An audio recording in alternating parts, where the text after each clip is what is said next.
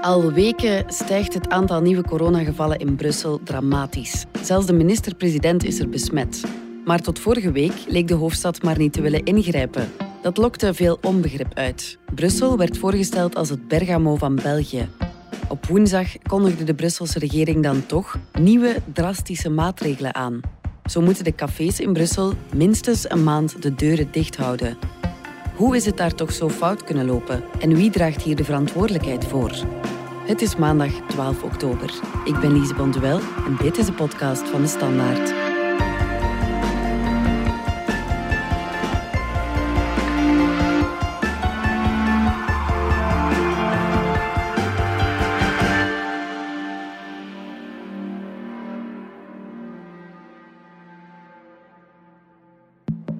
Nous avons décidé que les bars et cafés, mais également les salons de thé et cafés, devront fermer leurs portes, ou qui seront fermés.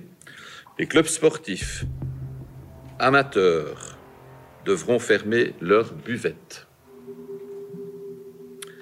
Les salles de fête devront fermer leurs portes. La consommation d'alcool dans l'espace public sera interdite sur tout le territoire de la région bruxelloise. Dries de Smet, jij bent. Zijn de cijfers zo alarmerend? Wel, ze zijn zeker hoog. Um, als je kijkt naar uh, de voorbije week, daags na de aankondiging dat de cafés moesten sluiten, waren er 4000 nieuwe gevallen vastgesteld. Mm -hmm. Dat is veel. Als je dat dan bekijkt per inwoner, dan zit je aan meer dan 300 nieuwe gevallen per 100.000 inwoners op één week tijd. En dat is veel. Als je dat internationaal vergelijkt, 120 is, is een alarmgrens. Dan staat een, een land in code rood. En je ziet eigenlijk dat weinig andere regio's zo'n hoge cijfers hebben. We zijn nu Madrid voorbijgestoken. Dus Brussel stak Madrid voorbij. Is hoger dan Parijs, waar toch ook strenge maatregelen genomen worden. Ja. En als je dan op de Europese kaart kijkt, ja, dan moet je al gaan zoeken naar regio's waar er nog meer zijn. En als we bijvoorbeeld vergelijken met Antwerpen? Uh, in Antwerpen is er een, een pak minder op dit moment. Uh, daar zitten we ongeveer, vet zitten ze ook hoog, maar zitten ze nu ongeveer aan 200 uh, op één week tijd. Dus 200 besmettingen per 100.000 inwoners. Dus dat is ruim 300 in Brussel. -hmm. En het is ook een pak meer dan toen uh, Cathy Berks, herinner je, de gouverneur van Antwerpen, ja. die avondklok ingesteld had. Um, ja, toen zaten ze ook nog net onder de 200. Dus ja, het is plots snel gegaan. -hmm. En dan zegt men soms wel een keer, ja, maar men test nu meer in Brussel. En dat klopt ook. Als je bijvoorbeeld kijkt tegenover een week eerder, dan zijn er ook weer 8% testen bijgekomen. Maar als je kijkt naar het aantal besmette gevallen, dat is gestegen met meer dan 60%. Dus dat toont dat daar wel degelijk iets aan de hand is. En als je dan kijkt naar het aantal mensen die getest wordt en positief testen, mm -hmm. dat is de positiviteitsratio, die zit nu aan 15%. En dat is zeer veel. Dat wil zeggen dat voor elke persoon die langskomt om die neuswap te gaan nemen, dat bijna 6, 1 op de 6 positief test. Mm -hmm. En dat is veel meer dan wat eigenlijk zou mogen. De Wereldgezondheidsorganisatie zegt die positiviteitsratio die zou onder de 5% moeten blijven. En zit die daarboven, ja, dan heb je eigenlijk een soort van ongecontroleerde epidemie. Dan weet je niet meer hoeveel gevallen er echt zijn. En dan, dat toont dat er een ruime circulatie is binnen je populatie. -hmm. Ja, een ander criterium zijn de ziekenhuisopnames. En daar zit Brussel al langer aan de kritische grens, hè? Ja, dat klopt. Uh, er zijn veel ziekenhuisopnames in Brussel. Dus de geest, de experts um, en later ook Celival, die hebben een bepaalde drempelwaarde gezet um, voor hoeveel ziekenhuisopnames zijn nu nog aanvaardbaar. En je ziet dat Brussel daar eigenlijk al twee weken boven zit. Nu, Brussel is een beetje een speciaal geval, omdat daar ook patiënten komen uit andere regio's, uit Waals-Brabant bijvoorbeeld. Maar anderzijds, ja, het is nu ook wel zo dat Brussel nu ook wel zijn patiënten naar andere regio's brengt. Denk maar aan bijvoorbeeld naar Aalst of naar Gent. Ja omdat daar ook nu wel een zekere capaciteit bereikt is. Daar zitten ze nu bijvoorbeeld op intensieve zorgen aan 25% van de capaciteit. En dat doet alarmbellen afgaan als je die drempel bereikt, want dat betekent dat je dan ook meer capaciteit moet vrijmaken in je ziekenhuis en ook alweer andere zorg zal moeten gaan uitstellen. Dus het toont wel dat er, ja, dat er, er is wel nog wat marge in Brussel. Dus we zitten zo niet zo hoog als in de eerste golf. In de eerste golf hadden we denk drie keer meer opnames op een week dan we nu hebben. Dus okay. dat, we kunnen wel nog wat meer aan. En zeker omdat de rest van het land, daar is het op dit moment minder erg gesteld dan zeker in de, dan in de eerste golf. Dus we bezetten nu ongeveer 10% van onze bedden uh, op intensieve zorgen, die we normaal gezien kunnen voorzien voor COVID. Mhm. Dus we hebben nog wel marge. Maar ja, natuurlijk, hoe meer het stijgt, hoe problematischer dat wordt in de toekomst. Ja, nu, begin vorige week trok dokter Elisabeth de Wale, het hoofd van de intensieve zorg van het UZ in Brussel, al aan de alarmbel. En zij zei, de situatie is om zeep. Ja, dat is natuurlijk wel straf geformuleerd. Uh, maar zij, zij, die uitspraak kwam er nadat ze keek naar de ziekenhuisopnames um, en vooral de stijging daarvan. En het is evident als dat lang zo blijft stijgen, ja, dat je dat niet lang meer volhoudt of dat je daar toch zeker iets moet aan doen. En toen zijn ze ook begonnen inderdaad ook met het spreiden van patiënten. Mm Nu, de cafés moeten nu sluiten tot begin november. Maar zijn zij eigenlijk de motor van de epidemie? Uh, het is jammer om te zeggen, maar eigenlijk weten we dat niet. Um, dus we hebben daar geen goede cijfers over, over welke gelegenheden aanleiding geven tot virusverspreiding. Dat hebben we in Nederland bijvoorbeeld wel. Nederland doet, doet veel meer brononderzoek. Maar wij hebben dat niet. Dus nee, eigenlijk kunnen we niet zeggen dat de cafés met zekerheid de, e- de, de motor van de epidemie zijn. We weten wel dat daar besmettingen zijn. Er zijn cafés moeten sluiten omdat er besmettingen waren of besmettingen terug te leiden waren tot cafés. Dat is zeker zo. Mhm. En het is ook wel zo dat men in de praktijk ook vaststelt dat daar de regels vaak geschonden worden. Uh, dat mensen daar of te dicht zitten of de hygiënische regels uh, niet, niet naleven, of dat daar groepen mengen die niet horen te mengen, dus waar men dus buiten de bubbel gaat, maar toch uh, dicht op elkaar zit. Ik ben uh, Luca en op dit moment barman bij Café Le Coq. wij mogen niet open blijven, normaal gezien. Pak dat 30% van de cafés de maatregelen wel deftig hebben opgevolgd. En hadden we dat deftig gedaan, iedereen, dan hadden ze sowieso het argument tegenover de horeca dat alle besmettingen op de cafés hadden ze dat nooit kunnen gebruiken. En dan, ik zeg niet dat dat de, de sluiting had tegengehouden of zo, maar had je kunnen zeggen, wij de horeca zijn het probleem niet. Ja, want op zich zouden we ook kunnen kijken naar winkels en het openbaar vervoer en al die dingen. Ja, dat klopt. Uh, nu, er zijn natuurlijk wel studies in het buitenland. Er is bijvoorbeeld een interessante studie uit de Verenigde Staten. En die is gaan kijken naar een, een groep patiënten die symptomen had en positief testen, is die gaan vergelijken met eenzelfde groep met dezelfde kenmerken, eh, die ook symptomen had, maar dan negatief testen.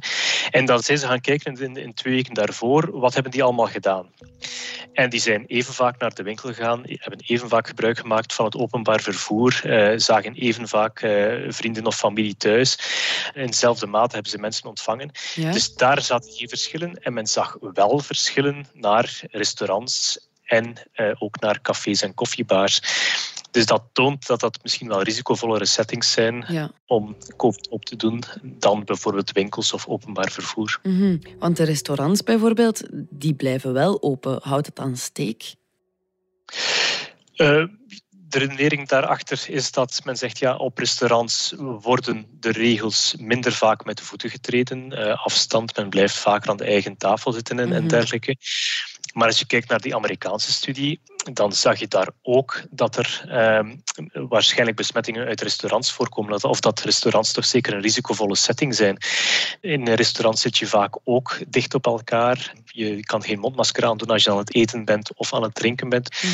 Dus vanuit epidemiologisch standpunt zijn er niet meteen harde cijfers om te zeggen we doen dus cafés wel dicht en de restaurants niet. Mm ja, ik ben Sam van de Monk. Ik vind het jammer voor de cafés wel, dat vind ik niet zo leuk. Want dat vond ik niet nodig. Ook als de bubbels gewoon kleiner waren en eerder kleiner waren gemaakt. En heel dat gedoe van die vijf met je gezin of tien, maar wel met tien op café of whatever, zo werd het allemaal geïnterpreteerd.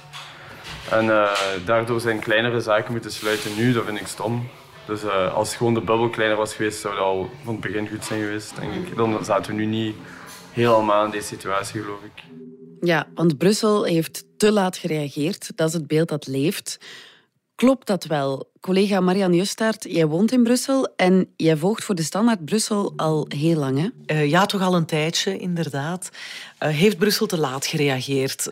Wel, het is een feit dat andere steden of regio's veel sneller zijn overgegaan tot echt draconische maatregelen. In Brussel is dat altijd anders geweest. Daar uh, hebben ze altijd heel sceptisch gestaan tegenover zo'n keihard, keiharde aanpak. De politici daar gaven ook de indruk dat ze daar niet echt in geloofden. Toen mm gouverneur Cathy Berks in Antwerpen de avondklok invoerde, kwam daar ook echt kritiek op in Brussel. Men vond dat uh, los erover, maar ook uh, een beetje ingaan tegen de mensenrechten en zo. Ja. En ik herinner mij nog hoe Vervoort gezegd heeft van de mondmaskers zijn niet de, de grote oplossing, het is de contact tracing. Maar goed, dat heeft Brussel ook niet kunnen waarmaken. Hè. En uh, in de zomer, toen het al echt de verkeerde kant uitging, heeft Brussel ook pas een week nadat die expertengroep Celeval had geadviseerd ja. van in Brussel zouden echt dringend de Antwerpse maatregelen moeten ingevoerd worden. Pas een week later heeft Brussel dan ook werkelijk uh, actie ondernomen. Ja. En dat was dan slechts een mondmaskerplicht op het hele grondgebied. Ja, waaraan ligt dat dan? De Brusselaars zijn sowieso al een beetje anders van inborst dan de Vlamingen. Eh, je ziet dat ook aan het stemgedrag, maar dus ook aan eh, de aanpak van een gezondheidscrisis. Eh, daar is een centrum-linksbestuur aan de macht in vele gemeenten. Ook op gewestniveau is het zeker geen rechtsbestuur. Heeft dat ermee te maken? Goh, ik weet het niet. Feit is wel dat er daar natuurlijk nog altijd een structuur is van één gewest en 19 gemeenten, de baronieën zoals ze soms worden genoemd. En daar is eigenlijk op zo'n vlakke, veiligheid, maar ook gezondheid, um, niet altijd een even duidelijke hiërarchie. In Etterbeek bijvoorbeeld hebben een MR-burgemeester, Vincent de Wolf, die heel vroeg ineens een mondmaskerplicht in de winkelstraten had ingevoerd en de rest van Brussel stond op zijn kop. Maar dat heeft er ook natuurlijk mee te maken dat die MR-burgemeester, MR zit niet in de Brusselse regering. En zo proberen ze elkaar soms wel wat vliegen af te vangen. Ja. Als ze daarover vergaderen, het gewestelijk crisisoverleg, daar zit Rudy Vervoort bij. Dan is er nog een hoge functionaris voor Brussel. Dat is een soort van provinciegouverneur. De 19 burgemeesters, de korpschefs van de zes politiezones. En dan dikwijls nog Inge Neven, die verantwoordelijk is voor allee, het hele zorgbeleid in Brussel. Maar allee, de tafel zal uh, best wel groot zijn als er daar afstand moet gehouden worden. Maar dat maakt ook dat ze zo moeilijk tot besluitvorming komen. Die, ja. die Brusselse lasagne, zoals dat heet. En gezondheid dat is dan bij uitstek een gemeenschapsbevoegdheid en die valt dan in Brussel onder de voogdij van de gemeenschappelijke gemeenschapscommissie, de GGC of COCOM. Daar moet dan eigenlijk een Franstalige en een Nederlandstalige minister in zitten. Dat zijn toevallig twee groenen, Alain Marant van Ecolo, Elke van den Brand van Groen. Die twee hebben nu wel samen afgesproken van oké, het is Marant die daar de lead in pakt, die daar de communicatie in doet. Anders wordt het nog erger en dan zitten we met de negende minister van uh, Gezondheid in België. En ja, dat, dat, helpt natuurlijk allemaal niet. En daarbovenop heb je dan nog het feit dat de lockdown in Brussel echt wel wonden heeft geslagen. Mm er is een kaalslag geweest, economisch, maar ook mentaal, fysiek. Uh, het heeft er echt zwaar ingehakt. Ja, men is daar beducht voor om dat opnieuw te doen, want dat ligt wel nog vers in het geheugen. Mm -hmm. Maar het is toch wel opvallend dat de Brusselse regering zelf blijkbaar vindt dat ze alles gedaan heeft wat ze kon en moest doen. In Brussel leeft het idee, zeker bij de beleidsmakers, dat men wel echt de hand aan de ploeg heeft geslagen en de koe bij de horens heeft gevat. Vervoort zegt ook altijd, we hebben testdorpen, we hebben ganse zomer een mondmaskerplicht gehanteerd, we hebben die contact tracing op poten gezet, we waren klaar nog voor Vlaanderen. Dus zij bestrijden dat beeld wel. En zo heb je ook minister Marant gehad, die vorige woensdag na de bewuste persconferentie, eh, toen ze die strengere maatregelen hebben aangekondigd, ineens eh, haalde hij zwaar uit naar Antwerpen. Um, ook naar de Brussel-bashers, want zo noemen ze dat dan. Iedereen die kritiek geeft op Brussel. Um, zij zitten heel erg verveeld met dat beeld. Ze zijn dat ook wel een beetje beu. En dat, dat is helemaal niet Marant, want normaal is die niet zo.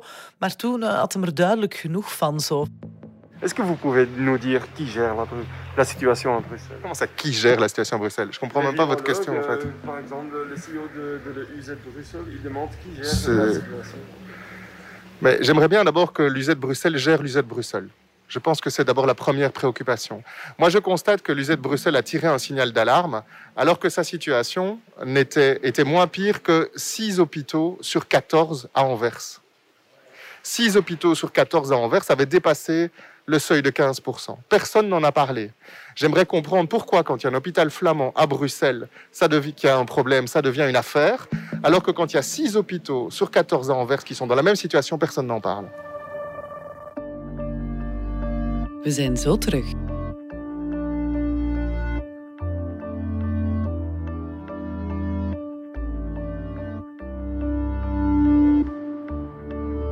Als je kunt starten met vandaag bij een organisatie gaan zeggen van oké, goed, we gaan een hoop van de beslissingen die op managementlagen of op CEO-levels naar beneden of op de werkvloer zetten, ja, gaat er heel veel veranderen.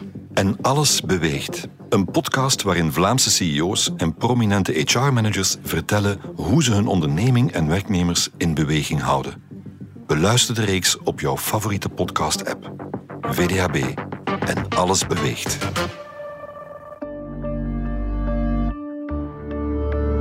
Woensdag, afgelopen woensdag, um, is de ploeg van Vervoort wel over de brug gekomen met strengere maatregelen. Ja, klopt. Dus de sluiting van de cafés, zoals we eerder al horen, alcoholverbod enzovoort, ook sportclubs en zo. Ja ja, de druk was gewoon onhoudbaar geworden. Viel um, niks meer op af te dingen. Uh, de cijfers uh, swingden de pan uit, zoals Dries ook al aangaf. Die zaten echt uh, in het nauw. het kon, kon meer anders. er werd aan de alarmbel getrokken door de ziekenhuizen en zo. Dus voilà, ze moesten wel. Ja, Dries zei net, er is geen keihard wetenschappelijk bewijs dat de horeca de zonnebok is.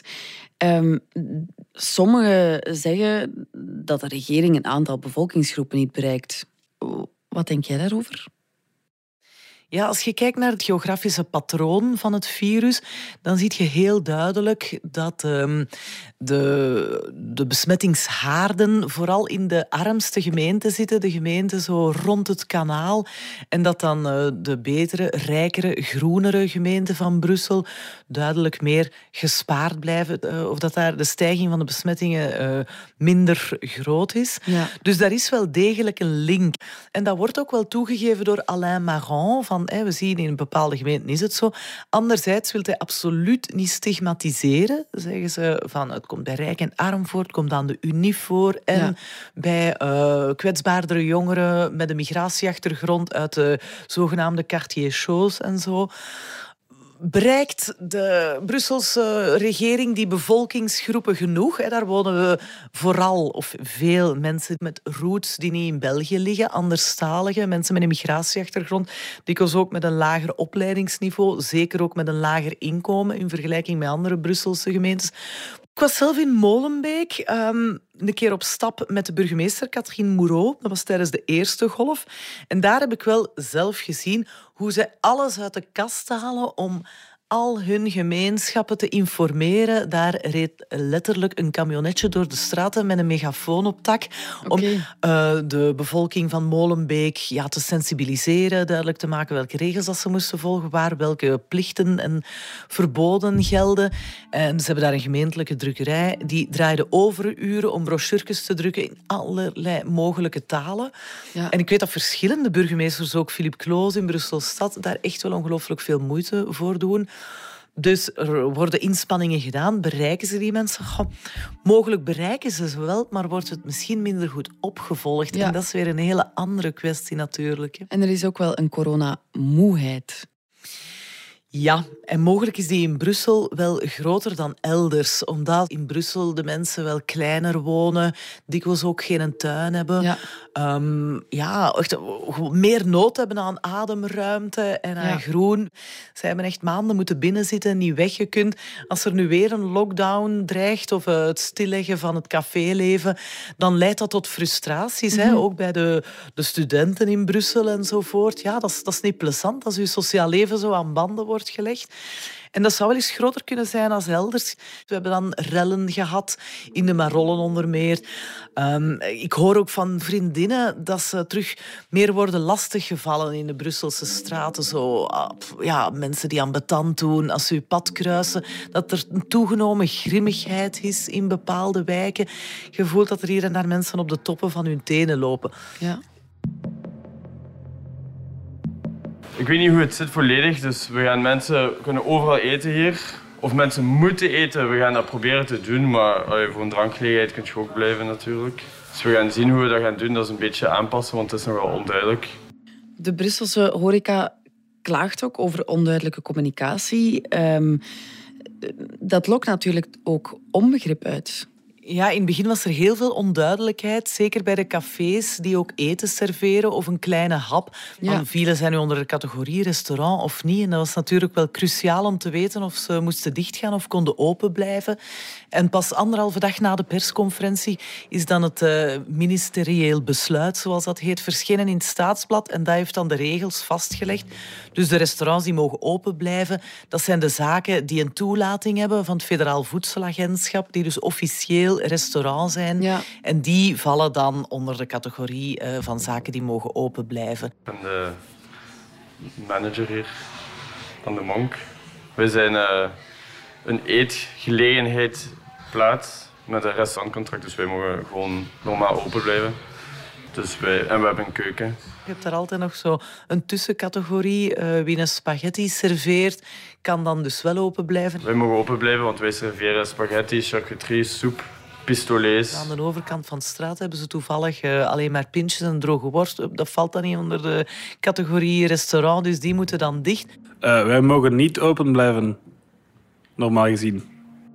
Het is sowieso een financiële catastrofe, omdat je weer een maand, je moet, je moet inbeelden, een jaar of twaalf maanden, een financieel jaar ook. Van die twaalf maanden waren er al drie kwijt, volledig. En nu zijn er nog eens een maand kwijt. Ja, je zet gewoon een, een, een derde van je, van, uw, van uw inkomsten gewoon volledig kwijt. Dus financiële catastrofe, ja, dat is voor iedereen een financiële catastrofe. Communicatie is nooit het sterkste punt geweest van de Brusselse regering en daar gaan ze toch echt een tandje moeten bijsteken. Het is gewoon classic Brussel, dat is uh, roeien met de riemen die je hebt en dingen proberen. En als je, daar, als je er doorkomt, ermee doorkomt, dan kom je ermee door. Als je er niet mee doorkomt, dan krijg je een boete op je bakjes en dan wordt je zaak gesloten. En dat is gewoon classic Brussel. Nu, qua communicatie is de Brusselse regering niet de enige die slechte punten scoort, hoor. Want uh, ook de federale regering heeft eigenlijk wel boter op het hoofd. Uh, dat wordt soms vergeten.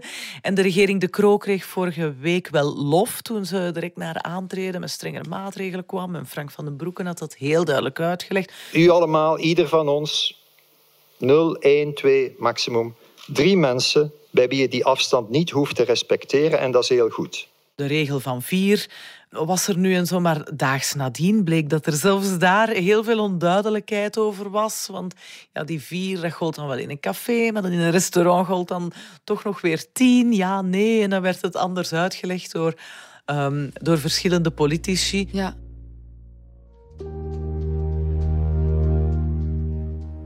Nu, uh, leden van de Brusselse regering, onder wie Vervoort zelf, hebben nu corona zal dat tot voortschrijdend inzicht leiden, denk je? Ja, dat was dan toch ook wel een beetje het toppunt. Daags na de persconferentie, Rudy Vervoort zelf uh, geveld bleek. Nu, je kunt er niet aan doen dat je besmet bent geraakt, positief test. En ik hoop voor Rudy Vervoort dat hem uh, niet te ziek wordt en er snel bovenop geraakt. Maar um, ja, wie weet wel. Hè. Ja, mogelijk leidt dat tot enig inzicht. Vervoort is zeker geen Trump, bij wie het niet tot inzichten heeft geleid. Maar dat, dat is nog afwachten. Nu moeten ze weer twee weken in uh, digitale modus voort. Dus we zullen daarna wel zien. Nu, er zijn heel veel cafés uh, die aanpassingen hebben gedaan, investeringen hebben gedaan om hun uh, café corona-proof te maken. Is dit niet een bittere pil om te slikken? Ja, zeker. En dat hoor je ook. Hè. En dan komt de klassieke vergelijking met bijvoorbeeld de luchtvaartsector weer bovendrijven. Hè. Waarom uh, moeten wij hier sluiten en mogen andere sectoren die misschien betere lobbyisten hebben of grotere commerciële belangen open blijven? Wij zijn ook belangrijk voor uh, het Brusselse sociaal leven, voor de Brusselse economie. En wij kunnen dat hier wel goed organiseren. En het is waar, ik ga zelf regelmatig op Café Murf, of ging geregeld op café in Brussel. en uh, daar wordt echt wel hard gewerkt met handshells en de tafels die ontsmet worden. Obers die je voortdurend komen aanmanen van uh, als je verplaatst, als je naar het wc gaat, zet je mondmasker op. Dus uh, er wordt hard gewerkt en het is voor velen van hen heel, heel erg zuur. En je hoort al legendarische cafés gelijk de Daringman ja. uh, of anderen die zeggen, ja, we weten niet of we ooit nog open gaan, of we dit nog te boven komen. Mm -hmm.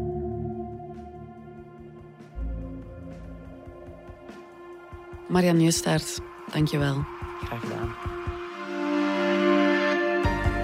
Dit was de podcast van de Standaard. Bedankt voor het luisteren. Wil je reageren? Dat kan via podcast.standaard.be. Alle credits vind je op standaard.be-podcast. Morgen zijn we er opnieuw.